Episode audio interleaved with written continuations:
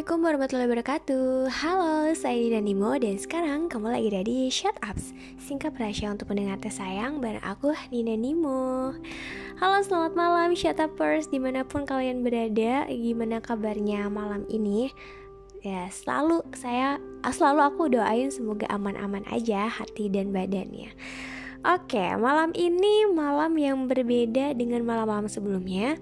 Yang biasanya aku selalu berdua sama bintang tamu Aku singkap rahasia mereka. Tapi untuk malam ini aku sendirian dulu deh ya. Gak apa-apa kan?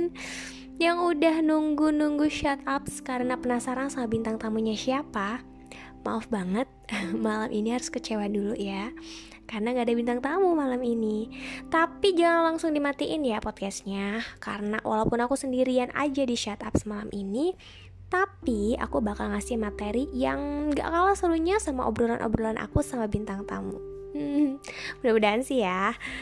Uh, sebagai shutupper sejati, uh, kalian harus terus dukung aku, uh, dukung aku ada ataupun gak ada bintang tamu, ya gak sih? pengen banget sih dapat dukungan ya. Kalau misalnya kamu bertanya-tanya, hmm, penasaran, kok kenapa sih malam ini gak ada bintang tamu? Kok sendirian aja? Kehabisan ide? Gak ada orang yang mau jadi bintang tamu kamu? Atau malah udah bosen? No, nggak kok, nggak nggak sampai segitunya, nggak apa-apa. Aku cuma pengen cuap-cuap sendirian aja sih. Gimana rasanya gitu, pengen tau aja. Boleh dong ya, boleh lah. Ya sesekali mah gak apa-apa, biar kalian gak bosen juga gitu. Tapi apa malah bosen ya dengerin aku ngomong terus.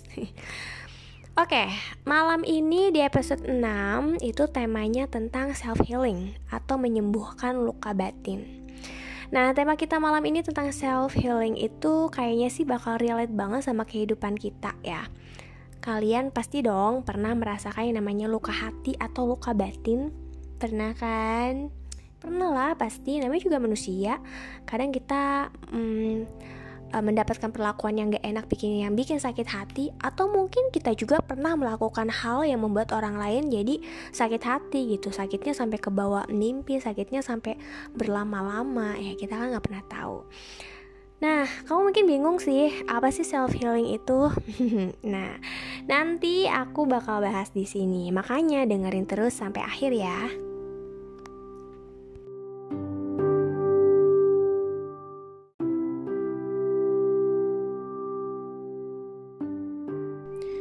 Merasa gak baik-baik aja bukan hal yang jarang banget kita temui dalam kehidupan. Banyak peristiwa dan pengalaman yang akhirnya membuat kita berada di fase tersebut. Kalau ngomongin masalah luka hati, kayaknya semalaman suntuk gak akan pernah bisa hilang ya. Atau mungkin sampai beberapa tahun ke depan juga gak akan bisa hilang. Entah itu luka karena gagal di tes interview kerja, ngerasa gak punya temen, kekerasan yang dialami sejak kecil, atau luka karena apa yang kita inginkan keburu diambil orang dan kita berpikir kalau kita terlalu lambat. Atau luka karena patah hati. dan aku yakin luka inilah yang paling sederhana, paling banyak dialami oleh orang, eh, dan yang paling menyakitkan pastinya. Nah, kita bisa mulai dengan mengenali pengalaman apa aja sih yang biasanya membuat kamu merasa gak baik-baik aja. Lalu, apa yang kamu rasain ketika mendapatkan pengalaman tersebut? Sakit hati, kecewa, marah, sedih. Apakah pengalaman tersebut meninggalkan luka buat kamu? membuat kamu ngerasa trauma dengan pengalaman tersebut. Bahkan kamu menyerah dan merasa bahwa luka itu pasti bakal tetap ada di dalam hati kamu selamanya. Yap, apa yang kamu alami di masa lalu dapat meninggalkan luka batin dan tentu luka tersebut yang perlu kamu obati. Jadi jangan sampai membiarkan luka batin kamu itu berkarat di hati kamu bertahun-tahun ya, tanpa kamu berusaha untuk menyembuhkan luka itu gitu. Jika kita memiliki luka di tubuh kita dan membiarkannya terus terbuka dan tidak diobati, kemungkinan luka itu akan infeksi dan menjadi lebih parah. Nah, ini sama seperti luka fisik. Luka di dalam hati kita pun harus diobati agar tidak menjadi penyakit hati yang semakin buruk dan berkepanjangan. Jika luka fisik yang membuat makin parah adalah bakteri dan kuman, sedangkan yang memperparah luka hati adalah emosi-emosi negatif kita yang bisa jadi sampai membuat kita benci sama diri sendiri. Itu udah bahaya banget sih ya kalau kita ngerasa benci banget sama diri kita sendiri gitu. Kalau orang lain benci sama kita sih, uh, ya itu bukan tanggung jawab kita buat mereka suka sama kita juga kan. Tapi kalau udah diri kita sendiri yang benci sama diri sendiri itu udah hal yang sangat fatal ya. Nah, kasus-kasus luka hati yang udah disebutkan tadi bisa terjadi karena kita melakukan yang namanya self-loathing atau kritik ekstrim terhadap diri sendiri. Hmm, kayaknya tuh rasanya uh, kayak apa yang kita lakuin itu salah aja gitu, salah terus, dan kayak ngerasa nggak ada gunanya aja dan kita tuh ngerasa nggak pantas mendapatkan hal-hal yang baik dalam hidup gak pantas dapetin teman, gak pantas dapetin pasangan yang baik, dan rasanya diri kita ini ya sampah, dan cuma pantas dapetin teman dan pasangan yang sampah juga. Hmm, pernah nggak sampai mikir ke sana? Pernah nggak ngerasain di fase tersebut yang ngerasa kita tuh kalau ngelakuin apa-apa tuh salah aja? Uh, ngerasa nggak berguna sebagai orang. Apa yang sih aku lah dilahirkan kalau misalnya harus ngelakuin salah terus? Kenapa aku harus ada di dunia ini kalau misalnya aku nggak berguna buat orang lain? Pernah kan? Ya kayaknya sih semua orang pernah ngerasa seperti itu ya. Dan apa sih yang membuat kita merasa benci sama diri kita sendiri? Well, sebenarnya banyak faktor yang bisa menyebabkan hal itu terjadi setiap orang mempunyai faktor yang berbeda-beda atau bahkan mungkin sama. Dan ada beberapa faktor yang biasanya dialami sama seseorang.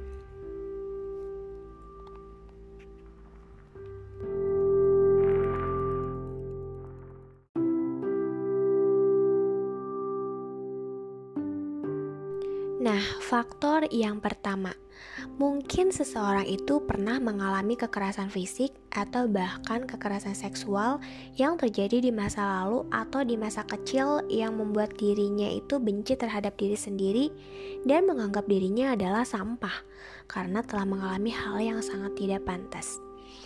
Ini adalah faktor yang sangat ekstrim sih sebenarnya karena uh, ini adalah hal yang nggak akan pernah kita mau di dunia ya.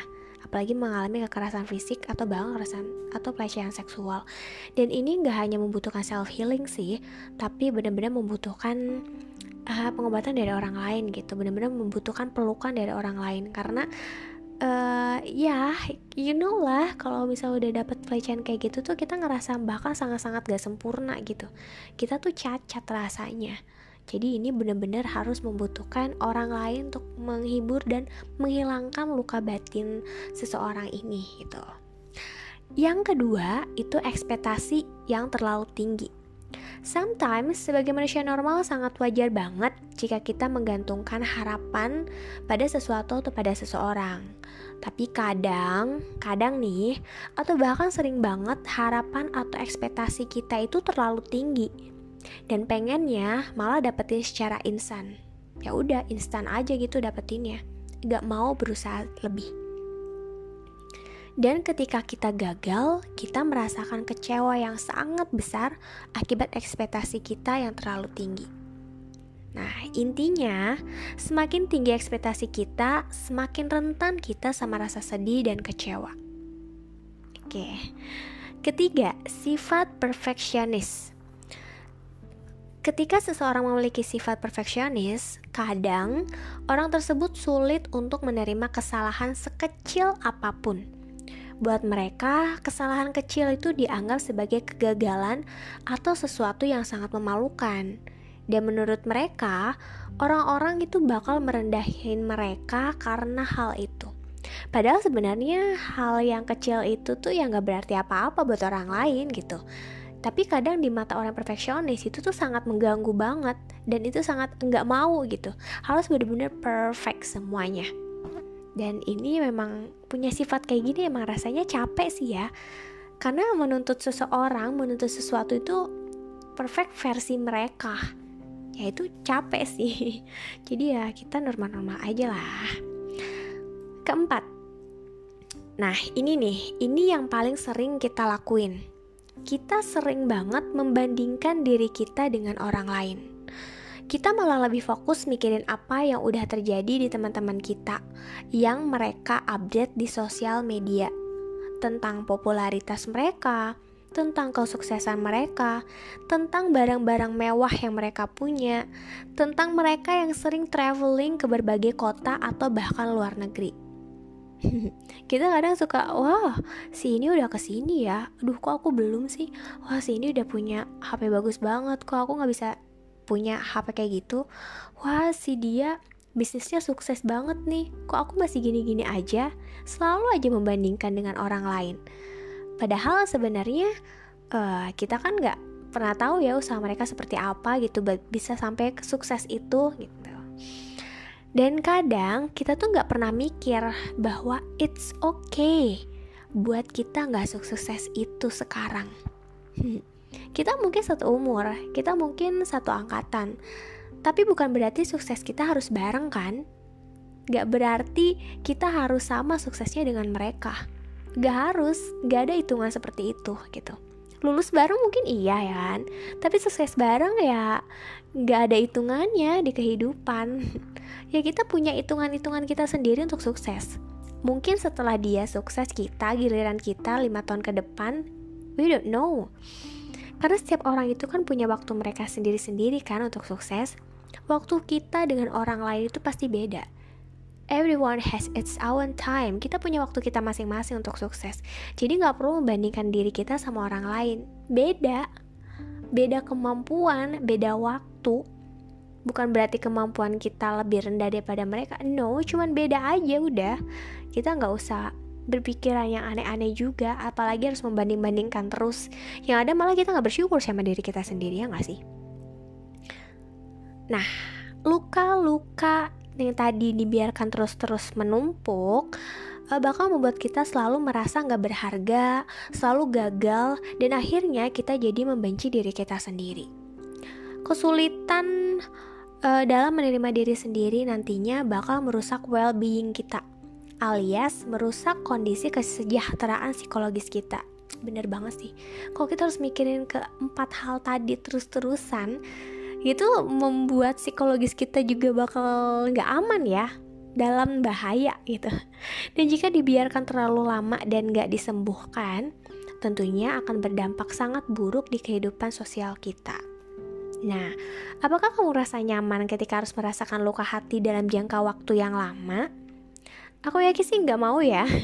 Biasanya atau rasanya pengen banget setelah bangun tidur semua luka hati itu hilang semuanya dan kamu bisa menjalani hari-hari seperti biasa. Pengennya, tapi ternyata gak segampang itu shutupers kadang setelah bangun tidur itu kita keinget lagi ya. Keinget lagi sakit hati lagi kecewa lagi kecewa lagi marah lagi dan akhirnya benci lagi sama diri sendiri. Gitu aja terus siklusnya kalau nggak diobatin Nah, untuk itu kita perlu tahu gimana sih caranya untuk menyembuhkan diri dari berbagai luka yang terjadi di hidup kita ini.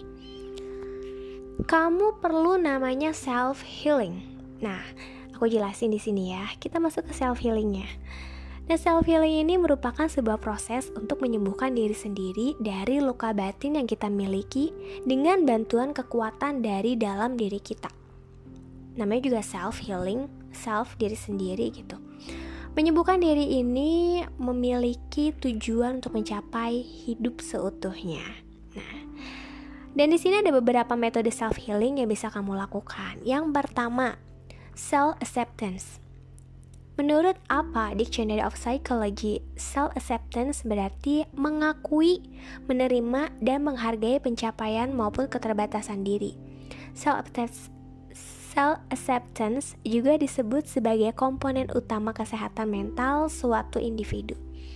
Nah, jadi ini adalah poin penting dalam self healing kamu, ya self acceptance atau menerima, uh, menerima dan menghargai pencapaian kamu sendiri gitu.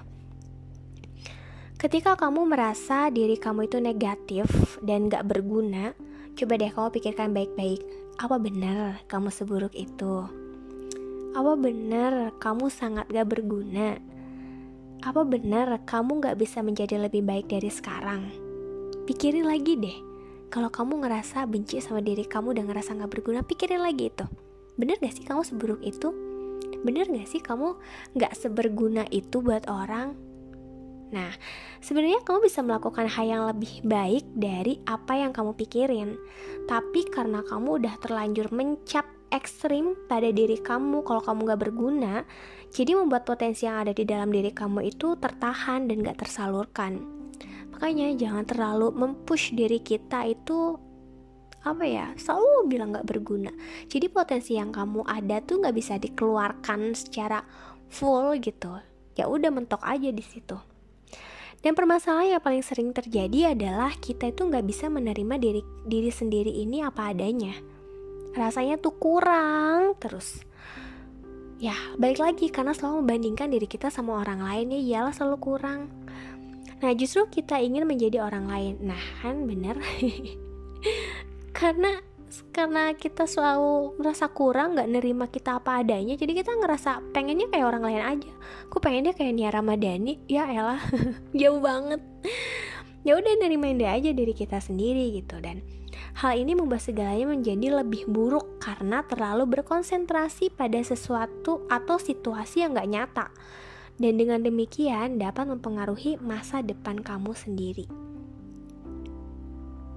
Nah, untuk menyembuhkan diri sendiri, kamu bisa memulainya dengan mengenali dulu luka apa yang ada di dalam diri kamu, menerima luka tersebut dan tidak menolaknya, sehingga akhirnya kamu dapat mencapai hidup seutuhnya dengan luka batin yang sudah sembuh. Yang kedua, menulis. Menulis juga dapat dijadikan sebagai media untuk menyembuhkan luka batin loh. Yap, kayaknya sih. Kamu gak perlu bingung harus mulai dari mana, nulis apa. Uh, kamu gak harus mempelajari tanda baca yang seperti apa sih, tulis aja. Intinya langsung aja nulis sesuai apa yang kamu rasakan, sesuai apa yang ada di pikiran kamu, sesuai apa luka sakit sakit hati kamu tuh tentang apa? Ya udah tuangin aja di kertas gitu. Atau diketik di laptop kamu mungkin. I just write udah nulis aja. Setiap luka pasti ada metode atau media untuk menyembuhkan luka tersebut kok. Tenang aja. Ya mungkin salah satunya bisa menulis. Siapa tahu dengan uh, tulisan kamu kamu bisa membuat uh, sebuah novel dari tulisan atau rasa sakit hati kamu that's to that's true story. Biasanya kayak lebih rame aja gitu kalau berdasarkan kisah nyata. Kalau kamu nggak bisa cerita ke orang lain ya udah curhat aja di tulisan kamu gitu. Dengan kata-kata yang bagus. Ya nggak harus bagus juga sih yang penting nulis aja deh udah. Yang ketiga me time Nah, me time ini sangat bermanfaat bagi setiap orang agar lebih dulu memikirkan dirinya sendiri atau memikirkan tentang dirinya sendiri daripada mengutamakan bercerita pada orang lain tentang masalah yang sedang dihadapi. Emang sih kadang bercerita sama orang lain tuh bisa membuat hati kita plong gitu. Tapi kalau misalnya kamu cerita ke orang yang tepat, yang artinya kadang gini, kita kadang pengen loh bercerita dan sebenarnya apa yang pengen kita curhatan itu cuma butuh didengar aja. Butuh didengar aja nggak perlu dikomen nggak nggak perlu disalahkan nggak perlu dicari solusinya. Kadang kadang ya. Tapi kadang juga gitu. Kalau seorang kita cerita sama seorang tuh malah kita yang dijudge salah secara nggak langsung biasanya. Atau kadang mendapatkan atau memberi solusi yang itu bukan gue banget gitu mungkin benar solusinya tapi kadang ya uh, nggak nggak nggak aku banget gitu harus melakukan itu. Yang menurut versi dia benar tapi kan menurut versi kita belum tentu. Jadi daripada kamu mendapatkan seorang yang bercerita kalau tanda kutip mendapatkan seorang yang salah untuk uh, bercerita atau sharing masalah kamu mending kamu melaksanakan me time aja udah. Lakukan apa yang membuat kamu bahagia walaupun misalnya sendirian aja ngelakuinnya. Perlu waktu untuk kamu sendiri gitu. Udah kamu mikirkan diri sendiri aja. Nggak perlu mikirin orang lain dulu untuk sementara waktu kan. Yang penting uh, luka hati kamu sedikit terobati luka batin kamu sedikit hilang. Ya tapi yang jelas uh, dilihat lagi sih me time kamu tuh nyakitin orang enggak gitu. Takutnya sama aja kan?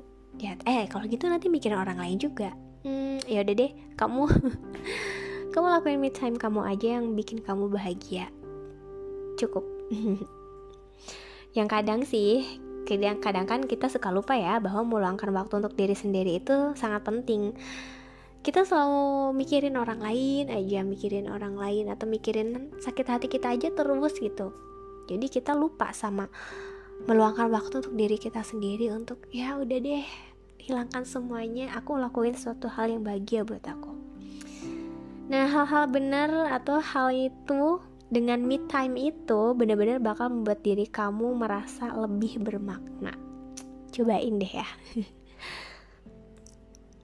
Yang keempat, berbicara pada diri sendiri. Nah, berbicara pada diri sendiri ini merupakan hal penting dalam menyembuhkan luka batin yang kamu alami. Dengan metode yang satu ini, kamu bisa bebas mengutarakan hal-hal yang sebenarnya kamu inginkan. Uh, coba deh, kamu ambil kaca, terus kamu yang ngomong aja di kaca gitu. Utarain apa yang kamu utarakan untuk diri kamu sendiri gitu. Berasa kayak ngobrol sama orang lain tapi sebenarnya ngobrol sama diri kamu sendiri. Jujur aja kamu tuh maunya apa? Kamu tuh pengennya apa kamu tuh harusnya kayak gimana gitu jadi ya berbicara aja pada diri sendiri kalau emang nggak kamu nggak mau ngelihat diri kamu di kaca ya udah ngomong aja sama bantal kayak itu kan diri kamu sendiri juga ya nggak sih dan biasakan jujur pada diri sendiri daripada melampiaskan segala keburukan pada suatu hal. Hmm, melampiaskan pada diri sendiri ya. Ya intinya harus ngomong sejujur-jujurnya sih tentang apa yang kamu mau gitu. Yang kelima, terima bahwa orang lain mungkin tidak meminta maaf. Nah, menunggu permintaan maaf dari orang yang melukai kamu itu akan memperlambat proses self-healing. Jika kamu mengalami luka dan sakit, penting bagi kamu untuk mengatasinya sendiri. Yang berarti menerima bahwa orang yang menyakiti kamu itu nggak akan meminta maaf. Ya, uh, nunggu dia minta maaf deh, baru aku maafin. Nunggu dia minta maaf deh, baru aku nggak akan marah lagi. Tapi kalau mereka nggak mau minta maaf gimana? Kalau mereka ngerasa bukan gue yang salah, lo yang salah dan gak akan minta maaf gimana? Kamu menunggu sampai ubanan? Mau nunggu sampai lebaran monyet? Enggak kan? Jadi ya udah, sebelum mereka meminta maaf, maafkanlah mereka gitu. Anggap aja kamu udah pernah melakukan suatu kesalahan ke orang lain yang gak disengaja dan orang itu butuh maaf kamu tapi kamu gak mau minta maaf atau kamu lupa malah untuk meminta maaf. Ya anggap aja itu adalah uh, proses pembalasan. Bukan pembalasan. Jadi itu ada proses timbal balik kamu gitu kan. Ketika kamu nggak meminta maaf sama orang lain ya udah dengan cara memaafkan orang lain. Paham gak sih maksudnya? Kayak gitu ya jadi nggak usah perlu atau nggak nunggu nggak harus nunggu orang lain meminta maaf. Jadi maafin aja. Atau anggap aja itu sebagai permintaan maaf kamu juga kepada orang lain yang udah kamu sakitin. Tanpa sengaja mungkin ya. Atau mungkin sengaja. Ya nggak? Ya dengan memaafkan kan semuanya akan jauh lebih indah dan kamu juga akan jauh lebih tenang sih. Cobain deh. Ya. Dari sekarang memaafkan siapa pun orang yang udah menyakiti kamu gitu entah sakit itunya cuman sekecil sekecil itu atau sebesar apa pun ya udah maafin aja selanjutnya nih buat jarak fisik Hmm, gak jarang seseorang mengatakan bahwa kamu harus menjauhkan diri dari orang atau situasi yang menyebabkan kamu kesel. Menurut psikologi klinis uh, Ramani Durvasula, itu bukan ide yang buruk katanya. Untuk menjauhkan diri kamu dari orang-orang yang bikin kamu kesel. Ya, bukan jauh secara putus silaturahim ya, jauh aja sedikit jaga jarak. Katanya bukan ide yang buruk. Ya, patut dicoba sih. Menciptakan jarak fisik atau psikologi antara diri kita dan orang atau situasi tertentu dapat membantu upaya self-healing dengan alasan sederhana bahwa kita nggak harus memikirkannya, memprosesnya, atau diingatkan kembali tentang hal itu. Nah ini kata si psikologi klinis uh, Ramani Durvasula itu ya. Hmm, coba deh misalnya orang-orang di kantor kamu itu ada beberapa yang menyebalkan dan bikin kamu tuh luka terus gitu. Ya udah coba aja dijauhin. Artinya dijauhin cukupkan ngobrolnya. Biar berbicaralah seperlunya. Kalau nggak butuh ya udah diem aja gitu. Jaga jarak sedikit deh ya. Banyak juga nggak apa-apa sih. Oke yang ketujuh tempatkan masa lalu pada tempatnya Nah, nah ini nih masa lalu itu adanya di masa lalu? Di belakang kita jauh. Jadi nggak perlu kamu bawa-bawa luka batin masa lalu kamu itu ke masa sekarang. Atau bahkan ke masa depan. Ya udah belakang belakang aja. Gak usah ke depan. Dia, dia masa lalu gak usah diseret sampai ke depan ya. Dan pasti kamu atau siapa pun itu mempunyai masa lalu yang kurang baik. Ya kadang yang membuat kamu ngerasa nggak tenang sampai saat ini nah namun masa lalu bukan suatu hal yang perlu kamu sesali secara terus-menerus ya. Hal yang dapat kamu lakukan adalah memaknai secara positif masa lalu yang pernah terjadi.